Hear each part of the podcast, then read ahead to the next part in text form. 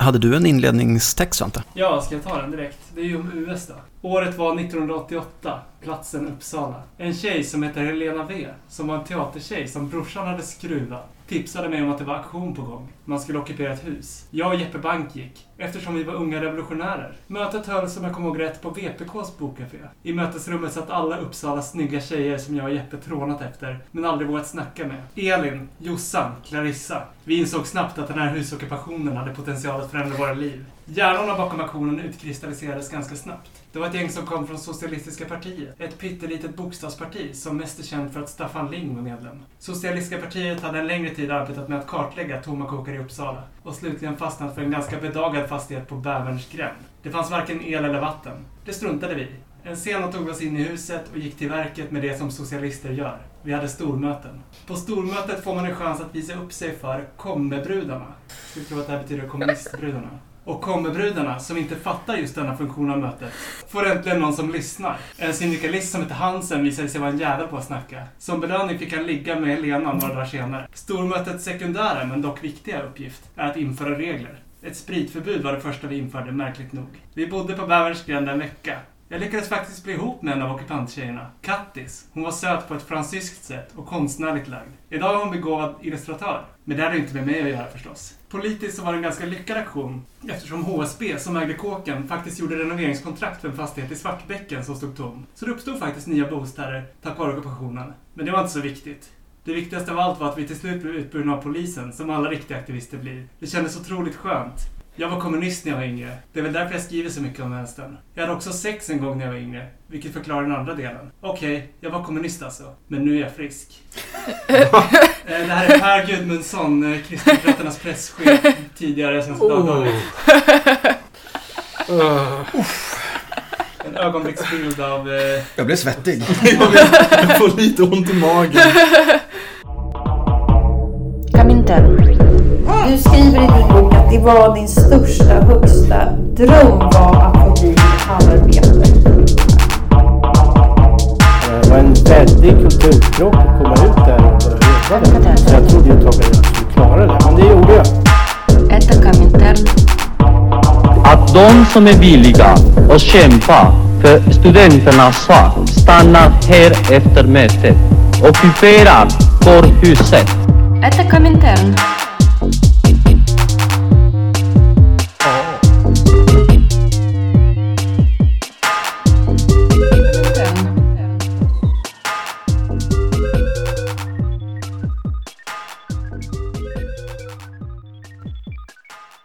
Okej, hej och välkomna till podcasten Kominterns sommarspecial. Vi lär av historien. Eh, jag heter Andreas, med mig som vanligt kamrat Svante och kamrat Gaspar. Tjena, tjena. Hej. Hur tycker ni att det känns så här avsnitt tre in i vår ambitiösa sommarserie? Känns eh, bra. Jag vet inte om vi har varit för långrandiga eller om det är det som väntas av en serie av den här typen. Frågan är, har vi varit för långrandiga eller för lite långrandiga? Eh, för de som tycker att vi har varit för långrandiga kan man utfärda en trigger warning för det här avsnittet, eller? De första två avsnitten blev ganska olika varandra, mycket beroende på vilken gäst vi hade. Men det känns också helt okej. Man kan också se att vi har en markant lägre lyssnarstatistik på de här avsnitten än på våra vanliga avsnitt. Och det kan man dra av slutsatsen att folk egentligen lyssnar för att de vill höra oss sitta och vara elaka mot högeravvikare i rörelsen.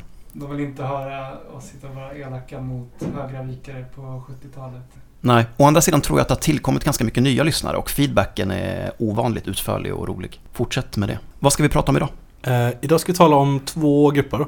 Eh, vi ska tala om eh, Förbundet Kommunist och vi ska tala om eh, Ung Socialist. Och Förbundet Kommunist fanns mellan 1970 och 1982.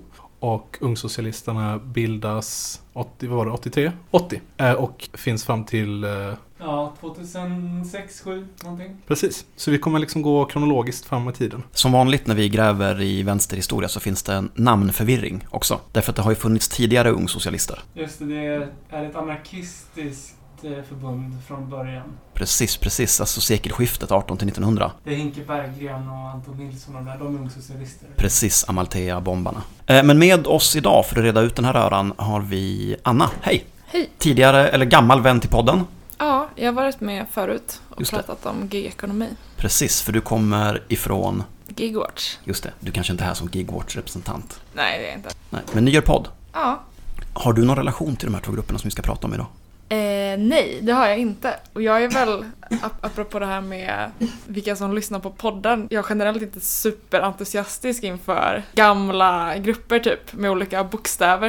Eh, men eh, jag har läst en vitbok, det var intressant, eh, kring en, en grupp som jag inte kände till någonting om innan. Eh, men det känns ändå nu som att det, jag kan se dem i ett sammanhang. Ni har liksom en andlig gemenskap för att de eh, var en ungdomsgrupp och du har eh, arbetat med ungdomsfrågor i ungdomsgrupper.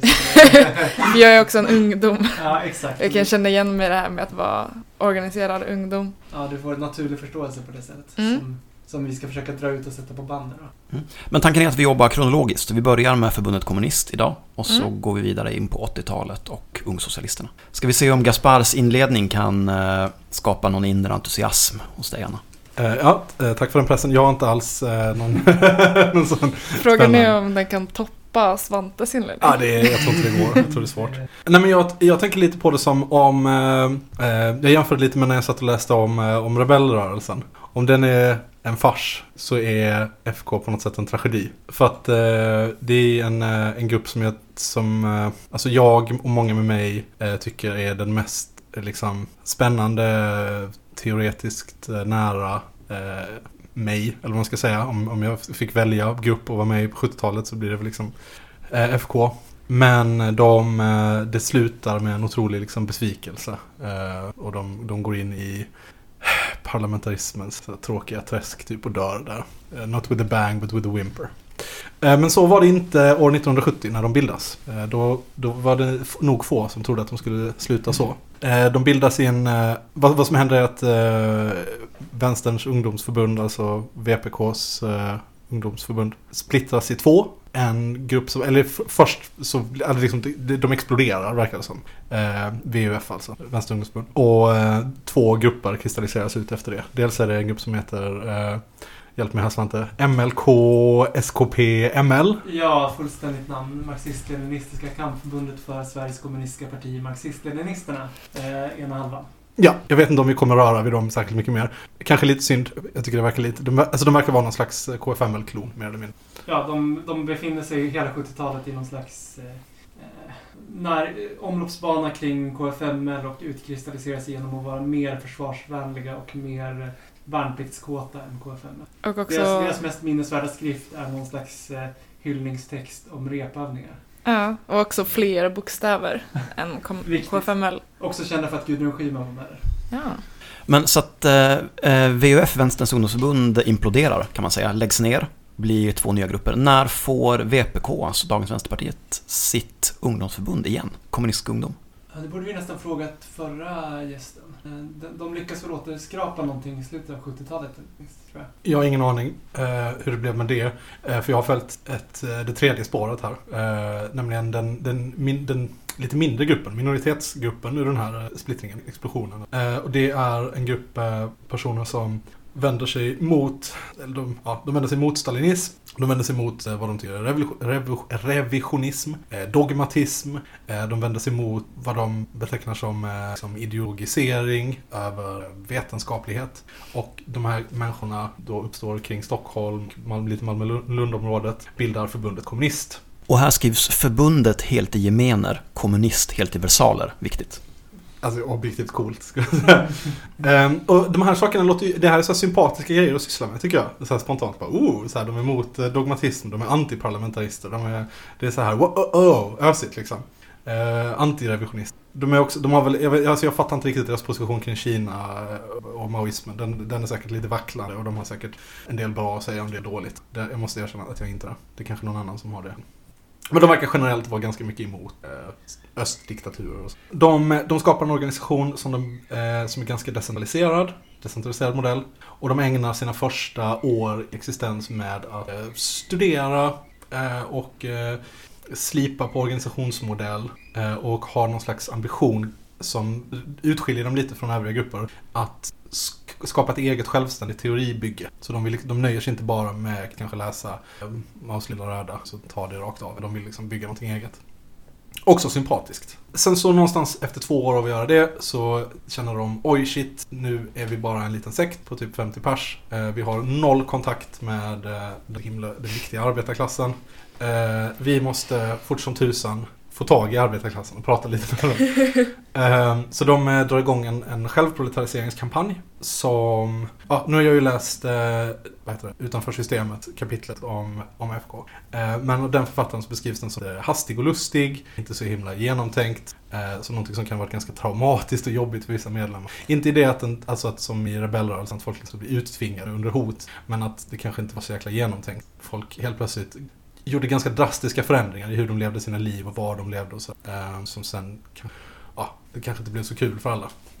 En tanke jag fick när jag läste det här var att det är väl heller inte superkonstigt att en grupp som föds ur ett ungdomsförbund inte har en bas i industrin. Eller hur? Det känns väl rätt naturligt att Ja. de är en studentgrupp. Ja, alltså jag funderar, jag vet, jag vet inte om ni har gått igenom det innan, alltså så här, vad är självproletarisering? Det handlar ju då om att man ska skaffa sig jobb inom industrin.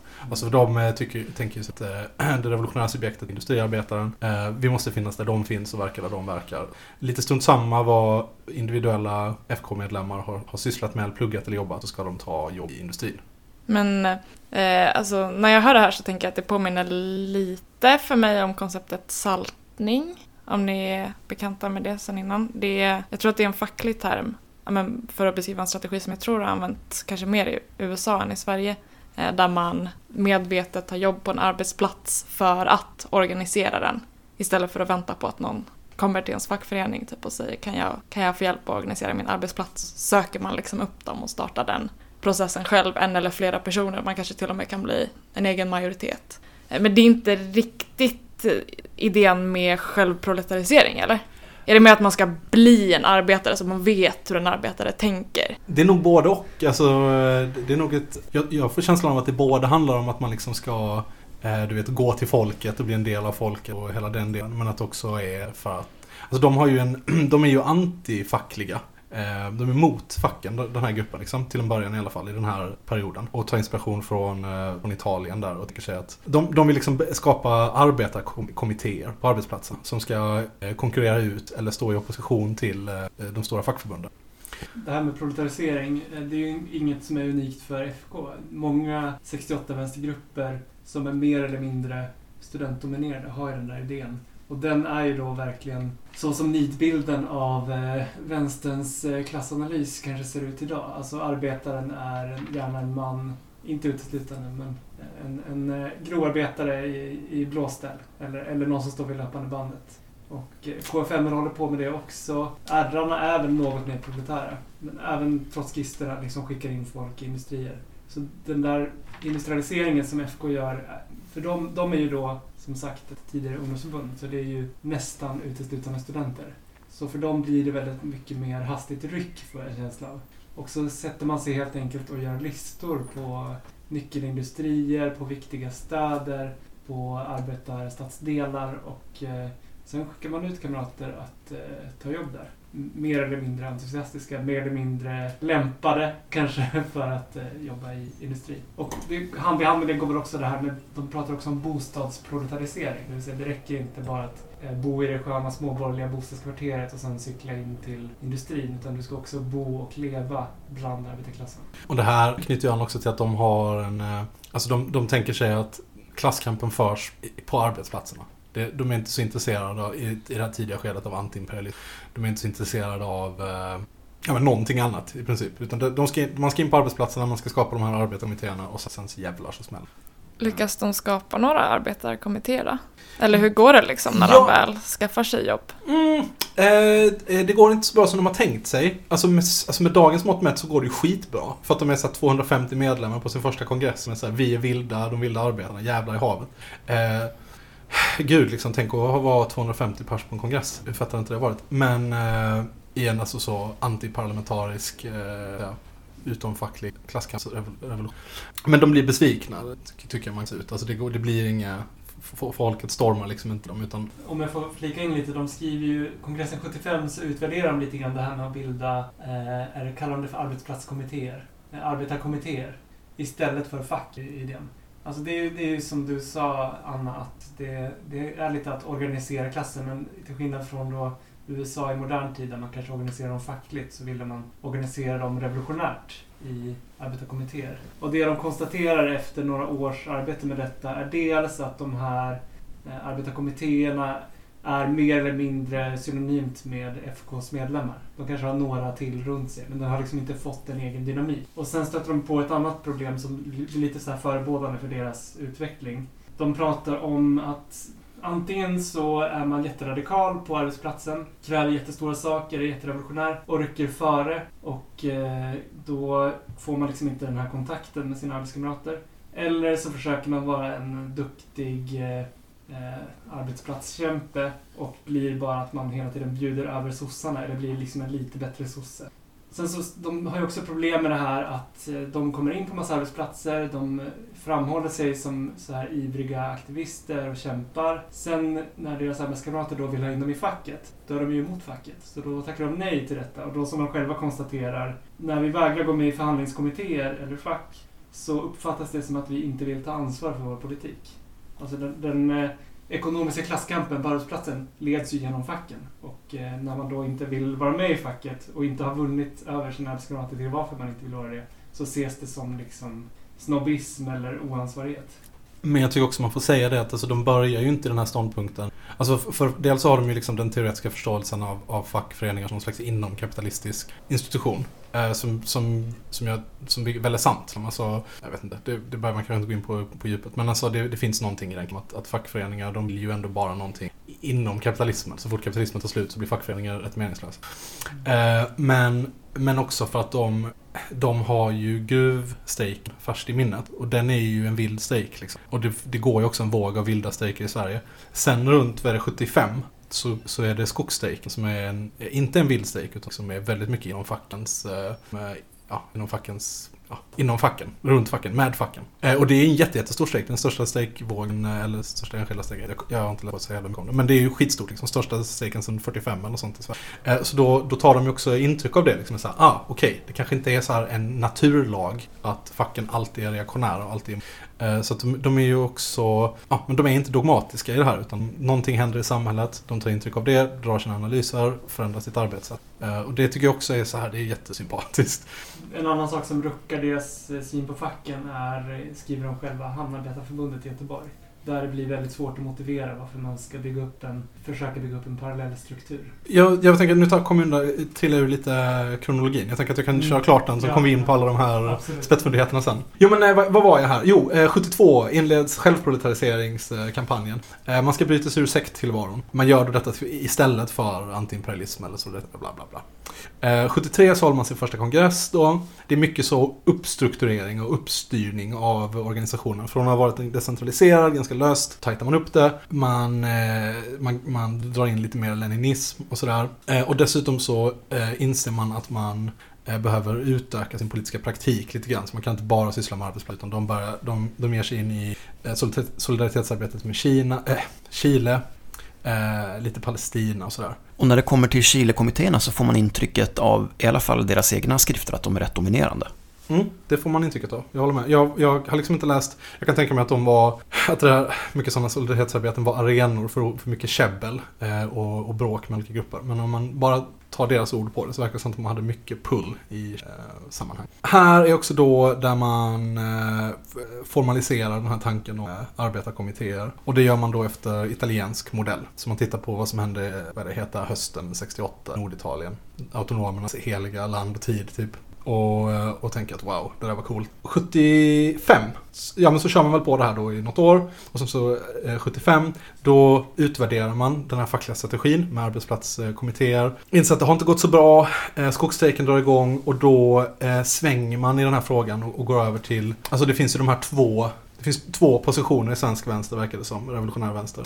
Eh, kring fack. Ena är då gör facket till en kamporganisation, andra är fackfacken. Liksom, jobbar Lever de vilda strejkerna. Lever de vilda strejkerna, precis. Eh, och då går man från att vara vilda strejkerna, eh, en vilda strejkerna-grupp till att vara en eh, eh, gör eh, facken till en kamporganisation. Och sen så 76 har man sin andra kongress. då har man Eh, då har man också svängt i frågan kring eh, eh parlamentarism. Eh, då, då tänker man sig att, eh, för att, vad var det, val 72, 73 någonting. Då, då, då bara säger de att liksom, deras paroll är så här, strunta i, glöm parlamenten, socialism nu, eller något sånt där. Jag har skrivit ner någonstans, det var en ganska fin, ganska fin paroll. Ja, skitsamma. Eh, men, eh, men, då, eh, men sen så här runt 76 så har man omvärderat det. Därför att man börjar, man har funderat väldigt mycket kring hur man faktiskt uppnår de här, alltså olika delmål och vad ska man säga, dagskrav och sådär. Och då tänker man sig att det kanske är så att man måste samarbeta med parlamentarism. Man uppmanar folk att rösta på VPK i valet. Just det, eh, deras eh, paroll valet 73 var inga drömmar om riksdagen, socialism genom klasskamp. Men det har man alltså ändrat på tre år senare. Då är parollen istället rösta på VPK. 77 så börjar man tala om vänsterenhet och eh, att det måste finnas någon slags symbios mellan gatuaktivism och parlamentarism. Eh, och man eh, hamrar ut en kampplattform. Och den är fem punkter och efter den så kommer jag släppa ordet fritt här och diskutera den lite. Eh, de fem punkterna är 1. Försvar av levnadsstandarden. 2. Försvar av sysselsättningen. 3. Kampen mot kärnkraften. 4. Kampen i maktfrågorna på arbetet. 5. Kampen social upprustning. Och den vassa lyssnaren kan ju då eh, snabbt inse att oj, hur skiljer det här sig från till exempel Socialdemokratiska arbetarpartiets eh, kampplattform? Och eh, det är väl också här någonstans, eh, för mig i alla fall, FK börjar bli en ganska liksom, trist grupp titta. De hade några år där, där de var väldigt kul. Jo, men eh, det får man säga, det som är, blir tydligt när man läser dokument både av och om FK är att det är mycket snabba vändningar. Alltså det är en grupp som eh, är åtminstone duktiga på att utvärdera det som väl får anses vara misslyckanden. Alltså ungefär vartannat år så svänger man fullständigt på många politiska frågor därför att man märker att det inte har fungerat. Och det tycker jag är jättesympatiskt. Alltså, det tycker jag är ett tecken på en sån levande organisation som där det händer saker och man inte är fastkörd. Och, alltså de testar ju också mycket saker som är, men, alltså jag tror all, nästan alla kamrater någon gång tänkt sig bara, vad fan om inte bara alla kunde skärpa sig och bara, du vet så, ta på sig ett par vanliga jeans och, och gå till ett jobb och du vet så, då hade vi ju, alltså vadå, vi är smarta så, alla kommer ju hålla med oss. Men här hade vi ett gäng kamrater som testade det och det, det gick inte och då kan man liksom säga okej, kan vi släppa den, den delen liksom. Men det är ju en successiv glidning mot reformism. Eh, vad har, du, har du snappat upp någon teori om varför man landar i den positionen slut?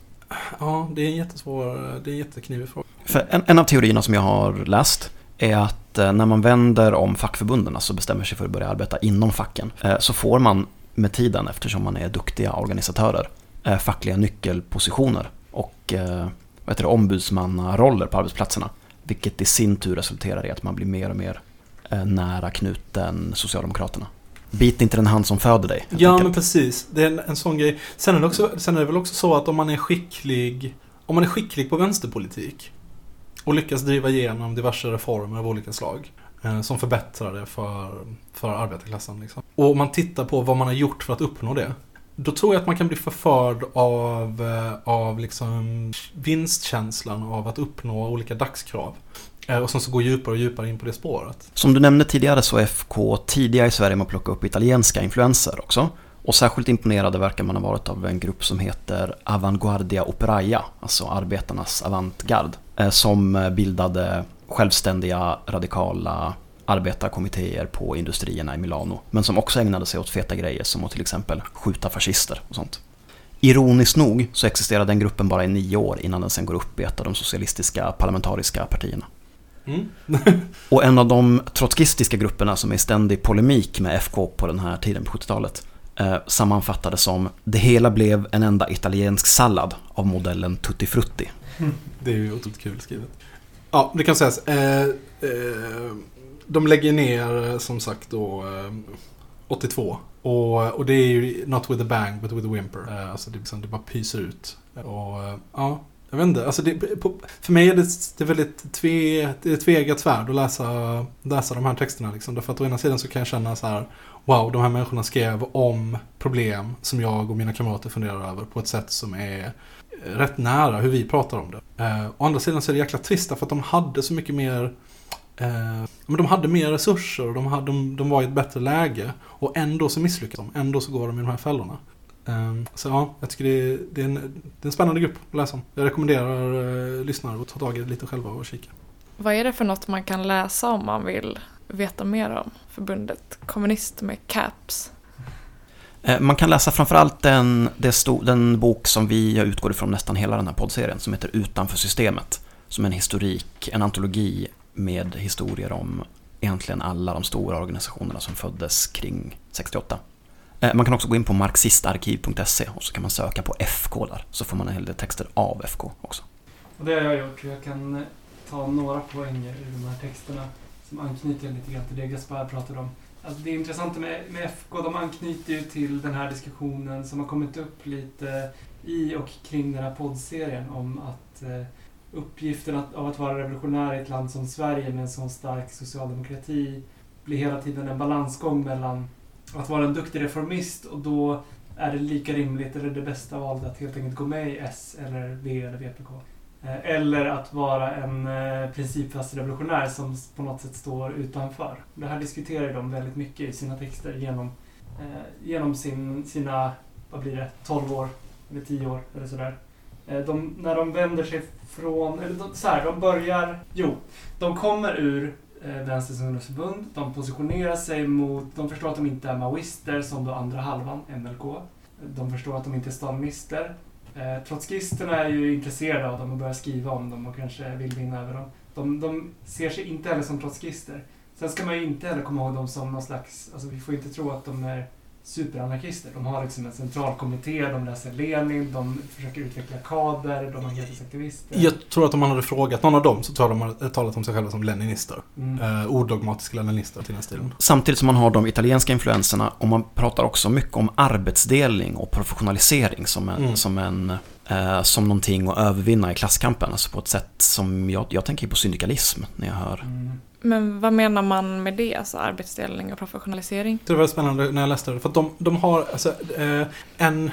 När man talar om den här liksom självständiga teoribygget. Så en av de sakerna som de, som de gör där, eller en del i det, är att de, eh, de vill tala om liksom, eh, den tredje fasen i övergången till, eller inte den tredje fasen, men tre faser i, i, eh, i klasskampen. I, när man går från kapitalism till kommunism. Liksom. Standardgreppet är ju att säga, okej, först har man kapitalism, sen kommer man över till socialism och sen så går socialismen över till kommunism. Ehm, men de, de vill liksom föra fram ett, eh, ett stadie däremellan. Så när man börjar göra sig av med kapitalismen så kommer man först gå in i en fas där man då främst angriper men arbetsdelning. Eh, att, att, liksom att alla ska vara arbetare och ingen ska vara arbetare. Det vill säga alla ska arbeta, men ingen ska ha identifik alltså ide, i, vad heter det? identiteten arbetare. Eh, och att är, man ska liksom försöka sudda ut eh, gränsen mellan intellektuellt och fysiskt arbete. Man ska sudda ut status, eh, skillnader i vem som gör vilket arbete, bla bla. Och att det är först när man har gjort klart det som man kan gå in i socialismen och förändra, förändra ja, andra saker, antar jag. Lite oklart vad, eftersom jag inte har läst de här grejerna på djupet och blir lite översiktlig. Men man, och sen kommunismen då. man har identifierat arbetsdelningen som en struktur som är väldigt tätt sammanbunden med kapitalismen och som också då måste förgöras, fast för sig. Den kommer inte försvinna automatiskt därför att vi tar produktionsmedlen i gemensam ägo. Nej, och även om jag inte läst det skrivet svart på vitt så förutsätter jag då att de tänker sig att det är omöjligt att gå in i en hållbar socialism utan att först ha på något sätt angripit arbetsdelningen. Oklart om det är så att man, jag tror inte att de tänker sig att man helt ska ta bort den, men att den är, ska liksom suddas ut eller försvagas eller på något sätt förändras innan man kan gå in. Så förstår jag det. Och det är ju också en, ja, som sagt, det lyfts fram som en av deras liksom eh, mest egna teoretiska tillägg Mm. säga, till marxismen. Ja, för det, det känns inte som att jag stött på det så mycket innan, innan just att man pratade om arbetsdelning. Eh, liksom på det sättet. Vidare om hur man ska förstå FK i, i efterhand så betecknas de ju ofta med begreppet politisk kameleont. Och det är lite så som jag tror att dåtidens vänster utifrån såg på dem och lite grann, det reflekterar ju det här med att de eh, svängde en hit, en dit. Liksom de, de kommer ur, eh, de, kom, de uppstår under ett huvudsakligen maoistiskt färgat vänsteruppsving. De tittar liksom till KFML som är den stora maoistiska gruppen och eh, kritiserar genast dem för att de här pratar ju om att huvudmotsättningen går mellan folket och monopolkapitalet. Nej, motsättningen går mellan överklass och arbetarklass. Det tycker jag. Sen, de förstår att de inte är trotskister, de är inte heller anarkister, men eh, från eh, det maoistiska hållet och eh, ärrarna och sådär så pekar man på dem och säger att ni är någon slags krypto-trotskister eller anarkister. Eh, trotskistiska polemiken säg, pekar på att eh, de eh, back, ni gillar ju Kina, ni verkar lite positiva till maoismen, ni håller på med vilda strejker precis som ärrarna gör. Ja, men ni är stalinister liksom. Eh, Så ingen kan liksom riktigt få fatt på vad de är. Och de, de är väl egentligen eh, någon slags pre-autonoma, eller hur skulle man kunna beskriva det? Många skulle nog vilja beskriva det så i alla fall. Men inte det är rätt sympatiskt typ, att inte Ja, det Bara- är bara köpa ett koncept rakt av utan ändå försöka ta de delar av olika saker man tänker är relevanta utifrån hur Man man själv se- resonerar. Man kan säga att förvirringen också utsträcker sig till Säkerhetspolisen som såklart försöker sätta denna nya grupp i ett fack. De skriver eh, i sina utvärderingar Först lägger de dem eh, under då de trotskistiska grupperna men sen eh, skriver man här i en utvärdering några år senare FK var aldrig någon trotskistisk organisation och det är oklart varför Säpo ändå valde att klassificera dem som sådan. Möjligen för att eh, Säpo eh, i september 1970 kom över en handling där FK tog avstånd från Stalin. De hade dessutom ett visst samarbete med RMF, alltså trotskisterna, vilket KFML och Rarna aldrig skulle gett sig in i vid 70-talets början. Senast hösten 74 konstaterade dock Säkerhetspolisen att FK inte var någon trotskistisk organisation. Men eh, något mer sägs inte om vad de egentligen hör hemma. Men så då är det i alla fall officiellt att de inte är trotskister. I och med att Säpo har fastslagit det. Ja, om den svenska staten säger så, då måste det vara så. Ja. Eh, Vi har pratat eh, 45 minuter om FK. Eh, Innan vi går vidare tänker jag att eh, som vanligt när vi har läst de här texterna, ofta skrivna av gubbar, så handlar de mest om gubbar. Och det sägs väldigt lite om kvinnopolitiska frågor, eller som vi skulle säga idag, feministiska frågor. Eh, Men när jag grävde i arkiven så hittade jag eh, tidskriften Kommunist, alltså FKs egen tidning. De hade ett temanummer om kvinnofrågan 1974. Temanumret är 18 sidor långt och de första nio sidorna ägnas åt den proletära kvinnorörelsens historia. Alltså man går från Marx och Engels till Clara Zetkin och Alexandra Kollontaj. Och först på sidan 9 eh, så kommer kapitlet Arbetarkvinnor blir fler som slåss. Och det är det jag tänker att jag ska läsa. Arbetarkvinnor blir fler som slåss. Aldrig socialism utan oss. Arbetarklassens frigörelse för både män och kvinnor kan bara nås genom en socialistisk revolution. Men revolutionen är inte den automatiska lösningen. Likväl som borgerligt auktoritära förhållanden eller arbetsdelningen inte kommer att krossas i revolutionen. Likväl kommer arbetarkvinnorna att få driva en hård kamp efter revolutionen för att nå sin egen frigörelse. Rätt sympatiskt, det låter som någonting man skulle kunna läsa idag. De fortsätter. För att arbetarkvinnan ska kunna nå sin frigörelse måste hon dras med i den revolutionära kampen. Under kampen kommer hennes självförtroende att öka. En styrka hos henne kommer att skapas som gör det möjligt att fortsätta kampen även efter revolutionen. För när kvinnans syn på sig själv förändras så kommer även mannens syn på henne att förändras. Så tjejer ska börja respektera sig själva lite mer. Tror du att den här texten är skriven av en man eller kvinna? Hmm. Jag har en gissning.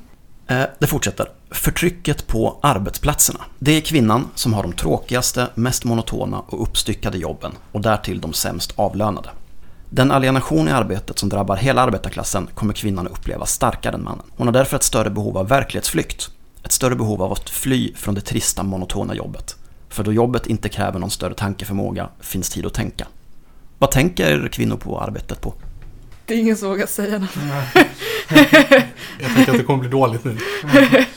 För att slippa ifrån personliga, ekonomiska och andra problem är det lätt att fly in i veckotidningarnas och kändisarnas värld.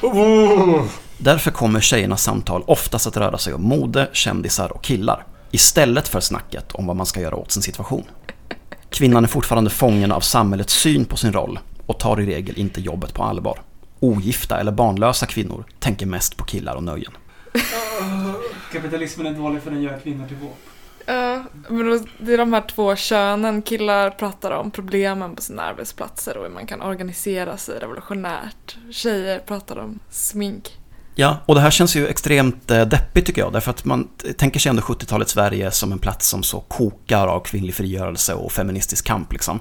Och så tycker man att FK verkar vara en rätt sympatisk organisation. Och så hoppas man kanske att det kanaliseras på något sätt i FK. Vågar ni lyssna på kapitlet Arbetet för kvinnan inom en kommunistisk organisation? Åh. Kanske blir bättre. Ja, det kan ju svårt att toppa det här. Förbundet Kommunist har he- under hela sin historia haft separata kvinnogrupper vars uppgift varit att driva kvinnofrågan. Det har de inte gjort. De övriga delarna av, för- av förbundet, männen förmodar jag, har i väntan på material och politiska riktlinjer för ett, kvinnoarbete så småningom själva glömt bort hela frågan. Åh nej! Åh nej! Åh nej! Jävla kvinnor. De gör inte sitt jobb. En debatt har påbörjats flera gånger och det bärande temat har då varit att FK inte inser frågans betydelse. Men för detta missgrepp måste faktiskt tjejerna inom FK själva ta på sig ansvaret. Mm. För ska vi kräva att få delta i den revolutionära kampen så måste vi också vara beredda att ta ansvaret. Så det är skrivet av en kvinna. Det är skrivet av flera kvinnor. Detta löser däremot inte problemet med tjejers ställning inom förbundet. Det är ett problem som angår alla organisationen. Och sen följer en punktlista med interna krav, till exempel så vill de ha en nationell samordnare av kvinnopolitiska frågor. De kräver eh, förbättrad och mer effektiv demokratisk centralism och så vidare och så vidare. Och sen följer fem sidor om arbetsvärdering som inte direkt eh, nämner kvinnor eller ojämlik, eller ojämlik värdering av utfört arbete på något sätt. Men vi kommer till avslutningen. Idag är vi inte lika många som killarna i organisationen. Men det måste vara vårt framtida mål. Vi ska lyckas med att få arbetarkvinnorna att delta i kommunistiskt arbete. Att få dem att bidra med sin del för allas frigörelse. Signerat MFLLER, FK-medlemmar i Motala. Jag har hittat ett annat eh, avsnitt som tar upp kvinnokampen i FK. Det är broschyren Därför arbetar jag med förbundet Kommunist. Väldigt sympatisk liten skrift där medlemmar i hela landet framträder med namn, bild och ålder. Påfallande många är ute här, det här är 78, påfallande många är tidiga 30-årsåldern och har jobbat inom industrin i 3-4 år. Mm. Eh, Verkligen. Och sen slutat arbeta inom industrin, eller? Nej då, de fortsätter men eh, Ja. några, år sen, några år senare så kanske de eh, droppar ur då. Eh, här är sektionen om kvinnokamp under rubriken Det krävs att man som tjej vågar säga ifrån. Då intervjuas Sonja Nilsson, medlem i FK i Falun, som arbetar på Scania såklart. Eh, hon eh, får då av eh, broschyrens reporter frågan till vilka vänder sig FK i första hand i sitt kvinnoarbete och hur vill ni organisera dessa kvinnor i ett arbete? Ledande fråga kan man känna. Svaret är vi vill i första hand vända oss till arbetarkvinnor och till de kvinnor som är beredda att slåss i första hand för arbetarkvinnans frigörelse. Vi tycker inte att det är fel med separata kvinnoorganisationer. De kommer alltid att finnas så länge det speciella förtrycket av kvinnan finns kvar. Däremot vill vi inte själva bilda någon separat kvinnoorganisation, ett kvinnoförbund till förbundet kommunist. Istället försöker vi organisera kvinnogrupper kring de viktigaste frågorna i bostadsområden och på arbetsplatser där vi själva jobbar. Runt frågor som är aktuella för oss kvinnor där.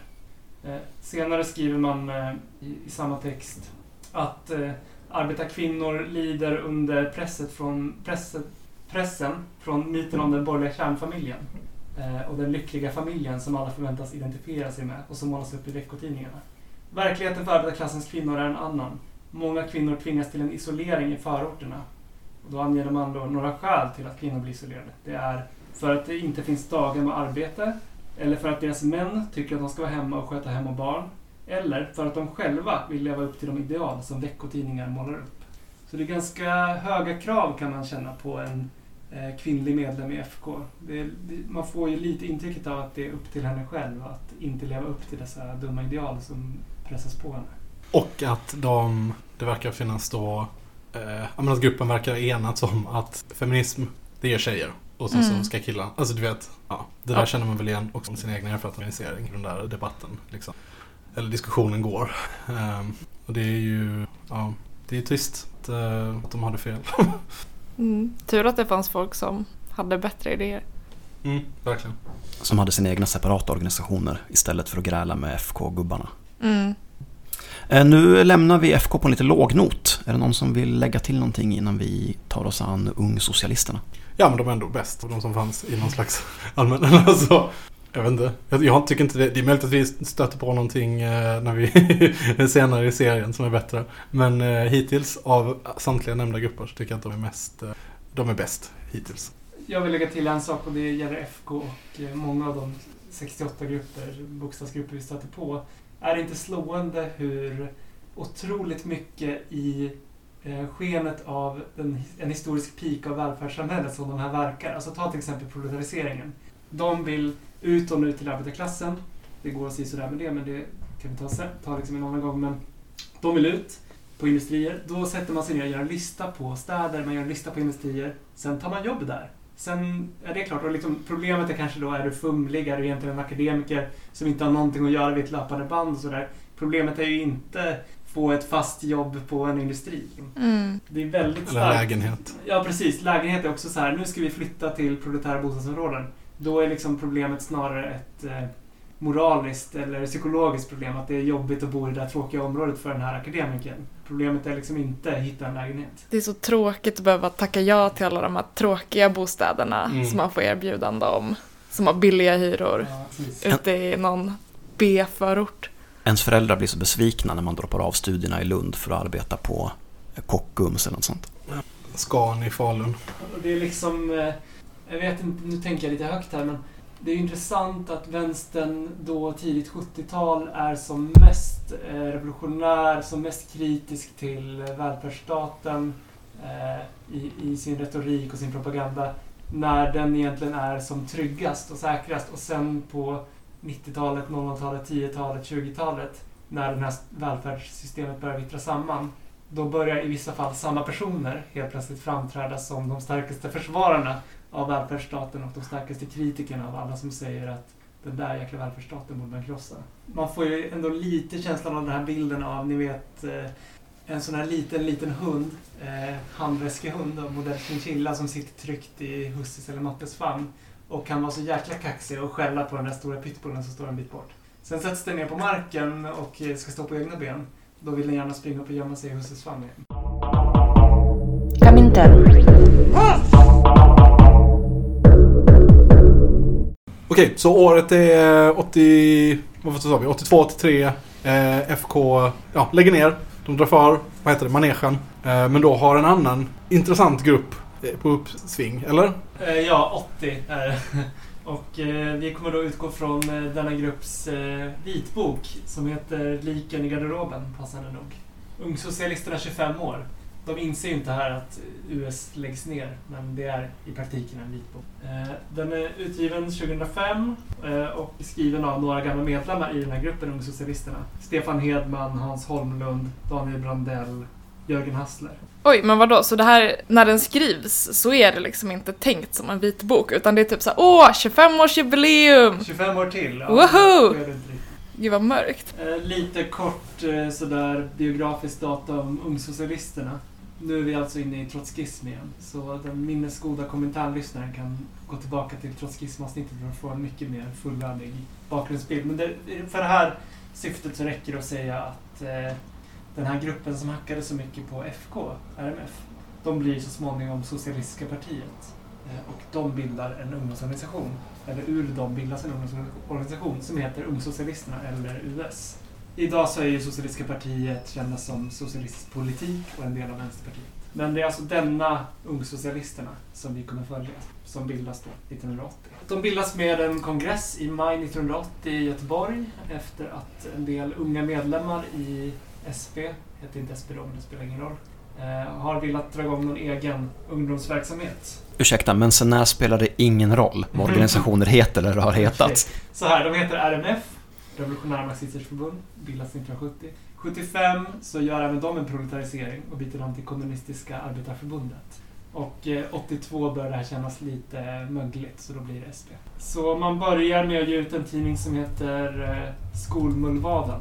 Mullvaden är då SPs tidning, baserat på ett gammalt Marx-citat. Och i ryggen har man också att SPs international, fjärde internationalen, har bestämt sig att man ska göra en vändning mot ungdomen. Eh, det är liksom början av 80-talet, 68 vänstern har ju börjat vissna och krokna. Så idén är liksom att bygga ett brett och nyckelord här, oberoende ungdomsförbund. Alltså det ska framstå som någonting nytt, någonting fräscht, det ska inte vara kopplat till alla de här gamla tradiga grupperna.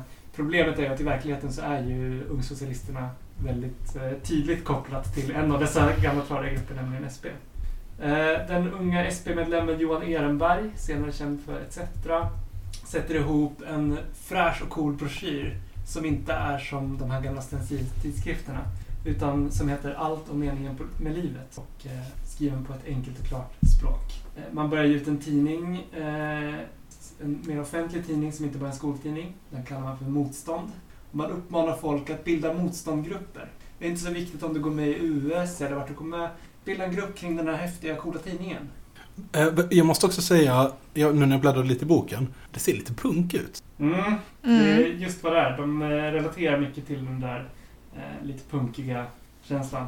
Problemet med att säga att det är en oberoende ungdomsorganisation, en oberoende ungdomstidning, är att man mycket snabbt blir anklagad för manipulation. Och eh, redan nummer två av Motstånd så skriver man för säkerhets skull väldigt tydligt nej men det här är en tidning från Ungsocialisterna, Ungsocialisterna har med Socialistiska partiet att göra. Och sådär. De börjar relatera lite till eh, punkvågen. De, de ser den som anarkistisk men ideologiskt vag. Och eh, ja, tidningen börjar komma ut, den handlar om saker. Det är ju genomgående ganska centrerat kring olika tidningar. Ja, Mm. eh, det är ju inte helt ovanligt en sak jag tänker på. Eh. Men eh, jag vet inte, det finns, det finns ju inte riktigt någon motsvarighet tycker jag idag. Alltså det är inte så att vänstergrupper nu är centrerade kring en blogg eller kring sin hemsida eller något sånt där egentligen. Nej, kanske snarare kring ett Twitterkonto. Ja, så jävla futtigt det är liksom. Men okej, det var inte en... Jag hoppas inte att det är så. Nej, inte, verkligen inte. Men, eh, men, ja, jag vet inte. Det, det är lite spännande. Jag undrar vad man, alltså om, om 20-30 år skulle säga att dagens revolutionära grupper liksom, vad de har sin kärna. För att det är ju uppenbarligen inte i någon sån media. Ja, men det var ett litet Ja, sidospår. ja, men jag tänker att det är väl kanske visar på en brist på kärna. Jag tänker att man, man behöver väl någon plattform liksom för att diskutera typ skriftligt. Jag tror att det är en brist vi har just nu. Kanske finns här ett utrymme för en, eh, en sån eh, kritik av eh, att nuvarande, i alla fall autonom vänster, är så ja, kanske teoretiskt eh, fattig och är väldigt, väldigt fokuserad på handlingspropaganda utan att för den saken skulle begå särskilt mycket handling. Jag vet inte. Eh, Starten i Göteborg får lite, blir lite knackig med tanke på att man då får kritik om att, som vi var inne på tidigare, Ungsocialisterna är ett taget namn tycker de. Det är upptaget. Eh, Så i början kallar man sig för Unga Socialister där, för att blidka kritikerna. Och man får faktiskt kontakt med då en ursprunglig ung socialist, Amatemannen Anton Nilsson, som kommer att tala på det första sommarlägret. Som väl även han hade en vändning mot trotskism på äldre dagar. Om man ska tro offensiv. Jag tror att han blev offensivare, men det, han ställer nog upp på de flesta organisationers möten. Eh, en tidig fråga internt är mansdominansen. Eh, man, eh, det här, är- nu är vi framme vid 84. Det är nästan bara män som skriver i tidningen Motstånd. Man är dålig på att skildra unga kvinnors verklighet. Ungsocialisterna är, är helt enkelt dåliga på kvinnofrågor. Mm. Kvinnorna i Ungsocialisterna behöver helt enkelt skärpa sig och steppa upp lite. Ja, man har inte riktigt den approachen turligt nog. Eh, man väljer en ny nationell ledning, NL, eh, med en majoritet kvinnor. Man arrangerar nationella tjejträffar, eh, separatistiska möten för tjejer och börjar skriva mer om kvinnors frågor och genomför en kampanj 86. En faktor som gör det bättre också som nämns är att en del av de mest dominerande männen då som av en slump samtidigt drog sig ur Ungsocialisterna. Vad, vad snackar vi här för eh, spridning av tidning, antal medlemmar? eh, är, de, är det här 25 pers eller är det... Det de skriver är att de är runt ett 60-tal här de tidiga åren och under 80-talet så når de aldrig över 100 medlemmar. Men de har ändå lokalavdelningar. De, SP är i det här laget en starkare grupp så de har ju lokalavdelningar ofta där SP finns men också på en hel del andra orter. Eh, bland annat har man en liten grupp i Kiruna som präglas av sin arbetarism och vill att alla ska ta jobb i gruvan. Eh, En eftergift till detta blir att man skickar upp eh, Kiruna-brigader som åker upp dit för att sälja motstånd. Eh, men spänningen här redan då på 80-talet är ju, är vi eh, ett oberoende och brett och fritt revolutionärt ungdomsförbund eller är vi ett ungdomsparti eller ungdomsförbund till SP? Eh, de själva var nog lite förvirrad över detta. Mycket av infrastrukturen man får kommer ju från SBs resurser. Man får en anställd där på SBs kansli, det pytsas pengar till eh, US från SBs partikassa och sen uppstår det då konflikter med där ungsocialisterna ser SParna som lite gubbiga Volvoarbetare och eh, SParna, framförallt i Göteborg beskrivs det, eh, ser ungsocialisterna som punkiga medelklassungdomar. Intressant nog kan man säga, på tal om infrastruktur, är att eh, ungsocialisterna drar in pengar för sin tjänst genom att man köper in en Macintosh och eh, designar tidningar åt eh, andra organisationer på denna Macintosh och på så vis kan finansiera en halvtidstjänst. 80-talets slut så började den anarkistiska autonoma rörelsen framträda allt mer i Sverige. Det blir husockupationer, som vi har hört. Eh, framförallt i Uppsala så deltar ungsocialisterna ivrigt i detta. Och eh, sen i Stockholm hålls då en demonstration tillsammans med brandmiljön som ger stora efterverkningar i förbundet. Så de samarbetar med en annan tidning. Ja, eller i alla fall andra eh, aktivister i den anarkistiska miljön. Ja, men jag tänker alltså de här ockupationerna i Uppsala, det här som Per Gudmundsson, eller? Som, Mm, som vi mm. läste i början. Är det en av de ockupationerna han beskriver i sin text? Ja, det är det. De här stormötena för att imponera på Eh, I april då, 88 så anordnar Motstånd, Ungsocialisternas tidning, tillsammans med Brand en demonstration med parollen Vi hatar de rika. Vi ska ta tillbaka det som tillhör oss. Yuppie-fri innerstad. Vår glädje är deras mardröm. Eat the rich. Endast 150 personer demonstrerar men det hela urartar. Polisen griper 24 personer. Det är där ösigt. Det är en fet demonstration när man är 150 personer och typ, vadå, en, jag kan inte matten, åttondel eller något blir gripna. Ja. Också helt korrekta paroller. Förespråkarna för den här autonomlinjen, som den kommer att kallas, skriver sedan en lång debattartikel i Ungsocialisternas interntidning Bulletin. Eh, De tycker att det är mycket bättre om ungarna i Kungsan slår sönder butiksfönster eller dyra bilar än än om de slår sönder varandra. Det måste väl alla hålla med om? ja, korrekt. Men det höll inte alla med om. Det gjorde de inte. Eh, istället så de får då svar från andra ungsocialister eh, som eh, tycker att i ett strategiskt perspektiv att vinna majoritet av den arbetande och studerande ungdomen är Vi hatar de rika demonstrationen inget annat än ett taktiskt felslut och brutalt formulerat en dumhet. Men eh, ja, okej, men vad intressant här att den här eh, organisationen är så intimt ihopkopplad med frambrytandet av den an- anarkomiljön i Sverige. Som ju liksom eh, som, som man liksom bara kunnat ana i skuggan av de andra organisationerna i det vi har läst hittills, eller hur? Det, har liksom, det var några på kårhusockupationen som var liksom anarkister och kanske drog någon ruta och ställde till med rabalder på det sättet. Och de har liksom, det har, det har varit liksom, vi har talat om en ganska liten krets människor, men nu bryter den fram och, och möter arvtagarna till, eh, till 68-70-talsvänstern här på 80-talet. Det är ett jättespännande, ett jättespännande möte. Och, och då verkar ju US stå liksom mitt emellan, eller hur? Och liksom pendla med ena Precis. foten i varje. Och de argumenterar ju då genom hela 80-talet för att eh, alla dessa radikala ungdomar som de ser borde gå samman i ett eh, nytt revolutionärt ungdomsförbund som kanske då till exempelvis skulle kunna vara Ungsocialisterna. I början av eh, 90-talet, närmare bestämt eh, 1990, så händer just det som Ungsocialisterna har drömt om. Det är mycket som händer i vänstern då i och med Sovjets fall och sådär. Kommunistisk ungdom byter namn till Ung Vänster. Eh, de här gamla kommunisterna i APK, de har tydligen också ett ungdomsförbund som hamnar lite i kris och sådär. Och sen så har vi de här aktionsgrupperna, husockupanter, miljöskällaktivister och sådär. Som med ungsocialisternas glasögon i alla fall börjar se sig om efter lite mer organisering. Så här är guldläge. Problemet för US är då att man just då är, vilket ska återkomma, inne i en generationsväxling av aktivister. Den person som har varit anställd halvtid med att jobba med US har åkt till Nicaragua för att delta i brigadarbete. Fett. Eh, arbetsutskottet är uppdelat på lite olika städer, har inte så lätt med logistiken. Och eh, två av medlemmarna i arbetsutskottet är på en resa i Sovjet. Eh, där man eh, blir supen under bordet av ungkommunister. Också fett. Så när då guldläget presenterar sig så har inte US riktigt eh, kapacitet att liksom hösta in. Det blir också debatt i interntidningen Bulletin. Ska vi bygga det här breda ungdomsförbundet tillsammans med massa andra eller ska vi faktiskt bygga US som är liksom ett trotskistiskt ungdomsförbund? En av de som tycker att man ska bygga det breda ungdomsförbundet skriver i interntidningen att man kan se det lite grann som att SP vill bygga ett nytt arbetarparti som ska vara fritt och oberoende. Vi vill bygga ett nytt ungdomsförbund. Eh, personen skriver Vi menar inte att vi ska slå oss ihop med tre husockupanter i Uppsala och en SKU i Sundsvall och sedan högljutt proklamera det nya ungdomsförbundet. Men eh, vi borde börja driva behovet hårt, föra fram det i flygblad, pamfletter och diskutera med alla de vi kämpar med. Jag tycker att det, den frasen är så kul, eller liksom lite genomgående när de pratar om typ så åh vi behöver det här jättebra ungdomsförbundet. Alltså, de pratar lite om det på samma sätt som typ vissa killar pratar om att de ska ha en tjej typ, som är på ett visst sätt. Bara, Min flickvän ska vara jättesmart, jättesnygg, jättesexig. Men att här, det finns inte så mycket tankar om typ, hur, hur man ska träffa den här tjejen typ, och få henne att gilla en.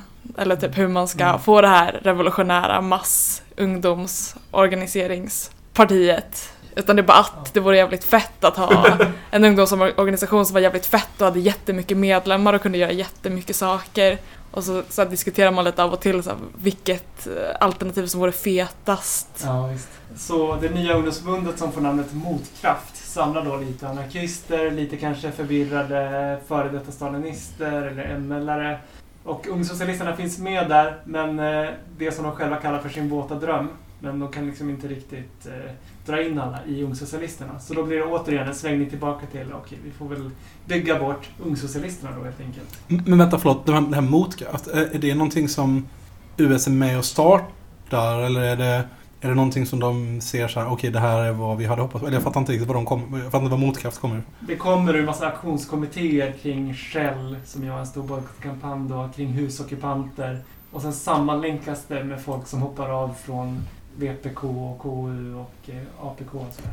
Men är det fröet det som blev internetportalen Motkraft sen? Finns det en kontinuitet där? Det är en bra fråga. Jag funderade också på det. Alltså, I den där eh, broschyren så står det att det här initiativet mot kraft som är typ 1990 då någonstans, ja men faller ihop något år senare. För man har inte riktigt lyckats göra någonting av det. Så jag vet faktiskt inte om det är att det bara är ytterligare ett namn som återvinns upprepade gånger eller om det liksom går på tomgång och sen kanske blossar upp igen. För jag vet inte när, för det, det motkraft vi pratar om är väl det här internetportalen och jag vet inte när den startade. Är det någon som har en? Det måste, det måste vara tidigast sena 90 eller? Ja, vi får nästan lita till våra lyssnare här. Vi vet ju att Mattias Våg lyssnar. Mattias talar bara om för oss. När startade motkraft? Så återigen en sväng tillbaka till att bygga Ungsocialisterna. Nu är vi framme vid tidigt 90-tal. Vad gör man då om man är en god ung trotskist eller åtminstone en medlem i ett trotskistiskt ungdomsförbund? Man börjar med att göra en bättre tidning igen. Mm. Så tillbaka till motstånd. Eh, Det uppstår en debatt om eh, motstånd och dess inriktning. Ska man liksom göra en mer politisk tidning eh, som speglar vad US gör och tycker, sådär mer strikt? Eller ska det vara en friare tidning som tar upp funderingar som ungdomar kan ha? Eh, En eh, medlem skriver Men hörni, ska vi skriva om det som alla andra skriver om? Nirvana och dataspel? Eller ska vi föra ut de socialistiska åsikterna och spegla den socialistiska kamp som inte finns i övriga medier? Och med det här övertygande argumentet så vinner då den senare linjen. Och det här tycker jag att man kan känna igen då väldigt väl från eh, egen verksamhet. Eh, det är då ett litet gäng som vinner för linjen att det här ska vara en politiskt inriktad, seriös, skolande tidning. Eh, man får ta över redaktionen. Och, eh, 1993 då så ska man börja producera detta mastigare och matigare motstånd. Eh, man trycker ut tre tjocka, välproducerade nummer innan sommaren 1993. Sen blir man utbränd. Ett nytt nummer kommer i december. Sen läggs tidningen ner under... Åh, Just det. klassiker! För det, det tas väl ett beslut om att man ska öka upplagan till 11 nummer per år. Och så köttar man liksom de, de tre första numren och sen dör man Ja. i princip som redaktion. Det är nästan omöjligt att skriva 11 nummer utan att beröra Nirvana och dataspel. Ja. Det är som om eh, din organisationstidning, Svante, aldrig skulle skriva om Fortnite och fidget spinners. Eller horoskop. En snabb googling talade om för mig att internetportalen Motkraft sattes upp 97. Mm, det kan nu finnas en koppling då. Eh, vi kan plocka upp en annan grej från Ungsocialisternas 90-tal som jag tyckte var rätt intressant. Eh, teorin om de tre vågorna. Eller Just det. revoltageturnéerna som de kallar det. Eh, Det är ju det som blir det mest effektiva verktyget för att bygga Ungsocialisterna på 90-talet. Men Man är ju då ofta ute på skolor och man försöker ha så här konkreta flygblad som tar upp eh, praktiska frågor för arbetarungdomen. Sen noterar man ju då lite besviket att men det slutar ändå ofta i filosofiska diskussioner som är människan egentligen god eller ond och sådär. Mm, de som vill diskutera mest och som kommer fram är typ MUF-ordföranden. Mm. Som är väldigt taggade på att prata om typ, ja men, Exakt. grundläggande etik. Ja, att människor är egoister egentligen. En annan betecknande sak eh, är ju att eh, de noterar att när de kommer till så här ingenjör, IT-inriktade gymnasieutbildningar så är det svalt intresse. På de praktiska gymnasierna så ligger deras flygblad i drivor slängda på korridorsgolvet. Men på humanistiskt inriktade linjer, där har man liksom sin bästa plats. Men skolbesöken utvecklas då till revoltörsturnéer. Och då är tanken att man gör en lista över, eller en karta över Sverige, de orter där det finns Ungsocialisterna, klubbar, orter där det inte finns det. Och sen så har man två, tre kamrater som då hänger sig till att eh, åka runt och turnera dessa i tre vågor. Så första gången man kommer till en stad så delar man ut flygblad, man försöker snacka med ungdomar, hitta några kontaktpersoner, eh, ta lite telefonnummer, lite namn och sådär. Eh, sen återkommer man en tid senare och då hör man av sig till dessa personer och frågar om man inte kan få sova där när man ändå är i stan och ska göra sin propaganda. Och kanske om man vill hänga med på en flygbladsutdelning. Tredje gången man kommer dit så tar man dessa och de man värvade andra gången och bildar en lokalgrupp. Det är ganska ambitiöst ändå. alltså, Mm. Ja, men jag tror också att det funkade väl också helt OK. Funkade väldigt bra. Första gången så är de inte så ruttade. Då får de eh, efter då tusentals utdelade flygblad och massor av besökta orter färre än tio inskickade talonger. Då ska vi säga för yngre, yngre lyssnare att eh, på den här tiden så måste man alltså riva loss en talong och skicka den i posten för att få gå med i Ungdomsföreningen. Men eh, så småningom så tickar det på och det blir så småningom hundratals inskickade medlemsansökningar. Och på 1,5 år, ett och ett halvt år, så går Ungsocialisterna från ett fåtal medlemmar i 4-5 grupper till medlemmar på 25 orter. Okej, så det är en skitlyckad kampanj då? Mm. Och vad snackar vi här? Mitten av 90-talet, eller? Mm. Ja. Ja, Mm. tidigt, 92, 93. Men det fortsätter lite sådär då och då under 90-talet. Och vadå, det här är under krisår. Det är Kalle Bildt vid, eh, vid rodret. Det är Nasse Skins överallt. Ja, de hatar ju också Carl Bildt. Mm. Det är, jag tror att det Mm, exemplifieras också i, i den här vitboken. Jag kan, jag kan försöka leta upp det. Ehm, jag, jag kan citera från texten. Inte, inte minst statsminister Carl Bildt blev en måltavla att driva med i alla möjliga och omöjliga sammanhang. Ungsocialisterna tryckte upp t-shirts, affischer, ölöppnare och klistermärken med texten “Den bästa nedskärningen” tillsammans med en bild där Bildt hade en streckad linje med texten “Skär här” över halsen. Det är rad. Det är fan skitgrymt. Ja men och det, det är ändå något jag får intrycket av genomgående kring Ungsocialisterna, att de verkar vara ganska duktiga på att ja, men så här, ha en, en ganska lättsam ton som liksom slår an hos ungdomar. Att man, man jobbar ganska mycket med att inte låta så jävla mossig typ, utan att testa olika, olika sätt att eh, ja, men så här, prata om politik typ, på ett mer vardagligt sätt. Undrar hur det skulle tas emot ifall jag skickade in en sån satirteckning till Internationalen. Där jag föreslår att man ska sätta en morakniv i ryggen på Anders Ygeman. Det finns bara ett sätt att ta reda på. Ja, men som de själva noterar här så är det då tidigt 90-tal. De, de tycker att när de är ute på skolor så är det inte längre bara massa muffare i cardigan som kommer fram. Det är liksom en liten gryende vänstervåg. Som exempel så tar de att eh, i valet 1991 så får Vänsterpartiet 2% av förstagångsväljarnas stöd.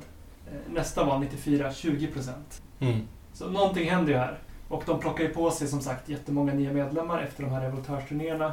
Sen inser de ju då nästa problem är att det kan ibland vara svårare att behålla medlemmar än att värva nya. Mm, det, det vet man ju. Lätt att få någon att skriva på en liten talong och skicka in.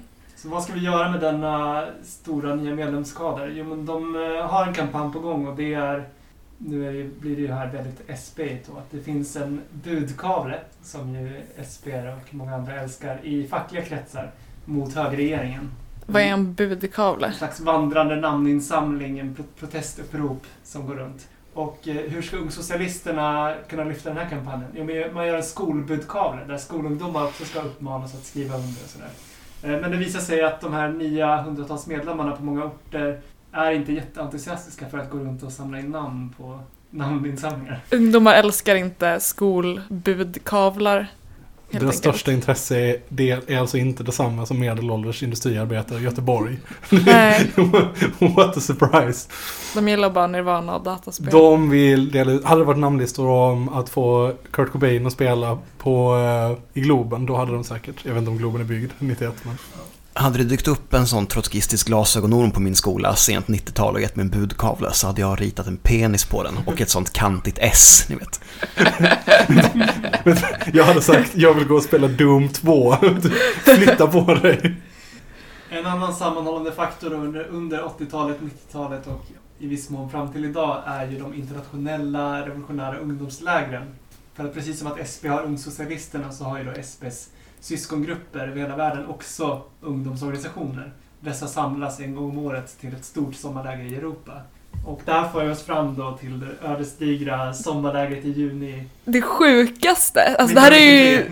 lätt det sjukaste i hela, hela den här texten. Det är inte, resten är inte alltid jätteentusiasmerande, typ att de bara åh, så här många medlemmar, så här många medlemmar, vi skriver på en kampanj typ. Men alltså det här sommarläget, var, var ska man börja? Det var allt Per Gudmundsson hade kunnat drömma om. Ja, alltså för det första, de var, de var typ 900 personer. Ja, precis. Alltså året innan, 92, så har de varit i Portugal. Där det Ja. årets sommarläger var. Där var det 800 personer. 40 stycken ung- ungsocialister satte sig i en skruttig buss i fyra dygn och deltog. Och så har de då idén att det här kan vi göra bättre i Sverige. så man har väldigt högt flygande mål. Eh, man eh, siktar på 300 svenskar, 700 europeer, totalt 1000 personer på ett svenskt sommarläger. Och man meddelar internationalen, fjärde internationalen, att eh, vi här i Sverige, ungsocialisterna, vi kan ta nästa internationella sommarläger. Alltså så här, jag har mild PTSD från festivaler jag arrangerat där det har kommit 50 personer. Jag kan bara tänka mig vad det är att arrangera en festival där det kommer 900 personer. Och det, det märks väl också, som de beskriver i texten, att det är jävligt svårt att, eh, att planera ett sånt här stort läger. De får mycket hjälp från ja, men, Socialistiska partiet, de ställer upp med ja, men, folk som kan hjälpa till att laga mat och fixa med el och bygga saker och eh, sjukvård och allt möjligt. Men allt eftersom lägret fortskrider så dyker det hela tiden upp nya oförutsedda grejer som man behöver mer folk för att göra. Vilket jag tänker att alla vi som har försökt planera någonting någon gång kan känna igen. Och eh, Ungsocialisternas lösning på det då, för de känner att det är ändå det är lite pinsamt att typ komma till alla de här internationella gästerna och säga ja, vi skulle behöva någon som eh, kan hjälpa oss att städa toaletterna idag och eh, vi råkade hälla ut all köttfärssås på golvet så vi skulle behöva åtta pers till att skura det. Så alla de här extra arbetsuppgifterna som, som inkommer lägger man på de egna svenska medlemmarna. Eh, vilket gör att man i princip kör sönder dem totalt och de hinner inte delta Nej, under lägret. Eh, vilket får den något oväntade konsekvensen att en massa anarkister som är där istället oemotsagt kan propagera för sina idéer till den grad att eh, de efter det här lägret rekryterar tillräckligt med folk för att starta Syndikalistiska ungdomsförbundet. Va? Så SUF startar genom att trotta ett, en trott? Är det här SUFs origin story? Ja! Alltså, Okej, som- vill som du- Vänta, vänta, jag måste bara fråga. Var hålls det här lägret? Eh, Det hålls på en herrgård, oj förlåt. Det hålls på en herrgård som, man, eh, som tillhör syndikalisterna. Syndikalisterna köpte den av landstinget 91. Nobelnäs heter den, Sjukaste. Utanför Jönköping. Då ska man säga att SUF har ju också existerat tidigare, så det här är inte SUFs ursprung, eller utan snarare någon slags nystart. Ja men precis, det här är ju nystarten av det syndikalistiska ungdomsförbundet som fortfarande är aktivt idag. Vi kan ta några ord som jag har strukit under här när det gäller beskrivningen av eh, sommarlägret 1993 så får ni en liten bild av hur det kunde te sig. Målet var ju då 1000 personer. Man lyckas rätt bra. Det blir 700 internationella kamrater som kommer förvänta sig ett härligt sommarläger och 200 svenskar. Eh, Media är där och allt sånt där. Eh, Till de nyckelorden. Kyla och regn varje dag under en vecka. Eh, En kamrat från Polen omkom tragiskt i en tågolycka bredvid lägerplatsen. Alltså det är så jävla sjukt, var fan kommer det ifrån? Som grädde på moset strulade det med varmvatten. Det ständiga regnandet gjorde många förkylda, inte minst kökspersonalen, vilket ledde till att den friska delen av arbetsstyrkan fick jobba desto hårdare. Måltiderna ibland mindre goda samt försenade. Trots god planering sanslöst underbemannade.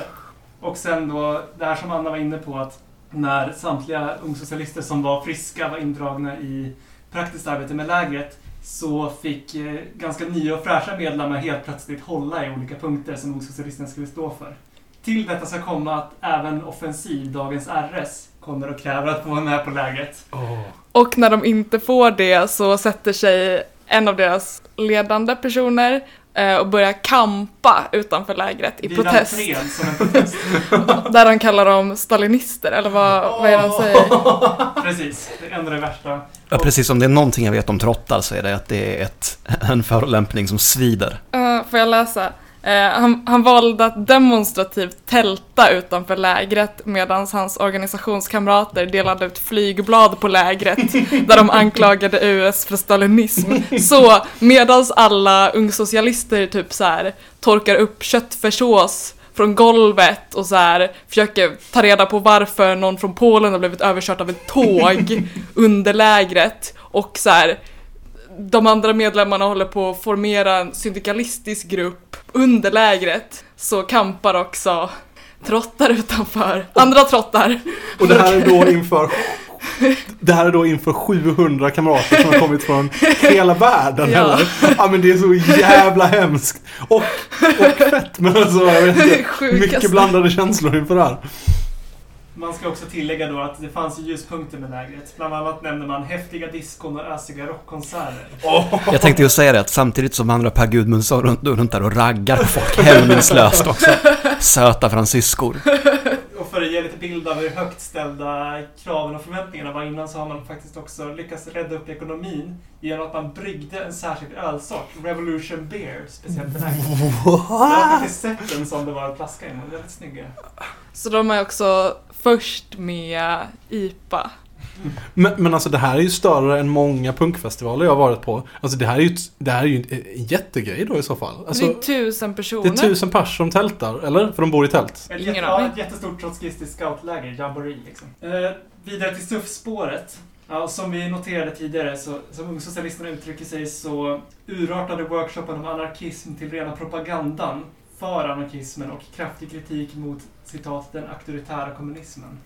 Eh, sen så har vi ju redan tidigare sett att eh, ungsocialisterna är ganska öppna för anarkosyndikalister. Anarkosyndikalister har på slutet av 80-talet, början av 90-talet ingen naturlig plats att organisera sig i. Så de har varit välkomna i Ungsocialisterna och liksom till SP. Eh, SP är till och med så bjussiga att eh, de ger eh, unga anarkosyndikalister arbete. Eh, det här identifieras då i efterhand av Ungsocialisterna som lite av den ursprungliga ackumulationen för syndikalism i Sverige. Eh, egentliga rekryteringen för SUF tog fart vid sommarläget 93 och den mest värdefulla faktorn för SUFs lyckade uppbygge var att ledande unga syndikalister fick anställning på Internationalen. Där fick de ordentlig skolning i vad det innebär att bygga upp ett politiskt ungdomsförbund, infrastrukturella kunskaper och politiska kontakter. SP och US lyckades på detta sätt ge syndikalismen en rejäl skjuts framåt och fick se delar av sin unga medlemskader under annan fauna. Ja, vi tackar dem så hemskt mycket för det. Alltså det stärker bara min tes om att alltså, trotskismen är vänsterns nördar. Eller alltså, alltså att det är liksom... Det kommer en anarkist och kalsongrycker Men på sitt eget sommarläger. Nej, men det kommer en anarkist, eller det kommer en trotskist som har gjort, du vet, som har suttit och pluggat och skrivit jättebra anteckningar. Och sen så kommer en sån anarkist och så, du, eh, får jag kolla på dina anteckningar så får du spela Magic med mig och mina polare sen. Och sen så är Totten så, ja absolut. Och sen bara tar anarkisten anteckningarna, kör kalsongrycker och går därifrån. Det är inte det som händer där. Låna aldrig ut din Macintosh till en anarkist. Det är vad jag har lärt mig av historien idag. Och sen kan man också tillägga att de här ungsocialisterna som kommer från 80-talet, de är liksom skolade i att debattera med eh, muffare och SSU-are. Eh, Och inte med liksom, och kanske mot stalinister då. Men anarkismens kritik är de ganska oförberedda på. Mm, de vet inte hur de ska bemöta. Vid samma tid så ombildas Ung Vänster, kommunistisk ungdom till Ung Vänster. Jenny Lindahl tar över ordförandeposten. Då känner Ungsocialisterna också att en ut, manöverutrymme äts upp. De beskriver det som att till vänster om dem så äts manöverutrymmet upp av SUF och till höger om dem av Ung Vänster. Så återigen den här idén om att bilda ett jättestort brett eh, revolutionärt ungdomsförbund. Det ser lite mörkt ut för den. Eh, man håller i alla fall en kongress eh, efter sommarlägret. Väljer en nationell ledning med 25 medlemmar. Men, men vad, vad, vad säger de själva om lägret? Är de nöjda eller vad? De säger att de inte lyckades, eh, vad ska man säga, slå mynt av det så mycket va? Jag, jag utläser kanske inte en tydlig slutsats, utan att de... Vissa saker var feta. Det här med den här polska personen och eh, trottarna och eh, suff och att det var kallt och sånt var inte jättefett, men feta diskon. Typ så eh, plus minus noll i slutändan. Och så, men jag tycker också vi borde diskutera eh, en del av bilderna som finns Mm. i häftet, bland annat den du bläddrade förbi just Svante. Eh, med där de visar upp sina t-shirts. Berätta, syntolka. Eh, okej, syntolkningen är att det är fyra killar med ganska dåliga hårfästen Och väldigt stora t-shirts eh, som poserar med, med olika eh, politiska t-shirts. Då. Eh, ja, väldigt dåliga hårfästen. Men vad står det på t-shirten? Varför är det här? Eh, det står eh, Time for justice, time for peace, time for freedom, time for revolution. Eh, Black and white, unite and fight och Ungsocialisterna. Jag tänker att den här bilden hamnar på vår Instagram, Komintern podd, så kan man gå in och kika där sen. Mm. Så vill jag kraftigt protestera mot dåliga hårfästen. Det finns inga bra eller dåliga hårfästen, det Okej. finns bara hårfästen. Okej, men hur ska man beskriva hårfästet på ett neutralt sätt? Högt eller lågt, utan värdering. Okej, det, det, det jobbar sig uppåt väldigt aktivt. Eh, Efter då det här lägret, ganska krävande, så har man ändå runt 200 medlemmar. Eh, man är som mest aktiva, 93-94. Eh, man väljer en nationell ledning, ambitiöst nummer 25 medlemmar, som sen lyckas mötas på Röda Rummets källare i Stockholm några få gånger eh, innan folk droppar av eller går över till SV eller glider ur.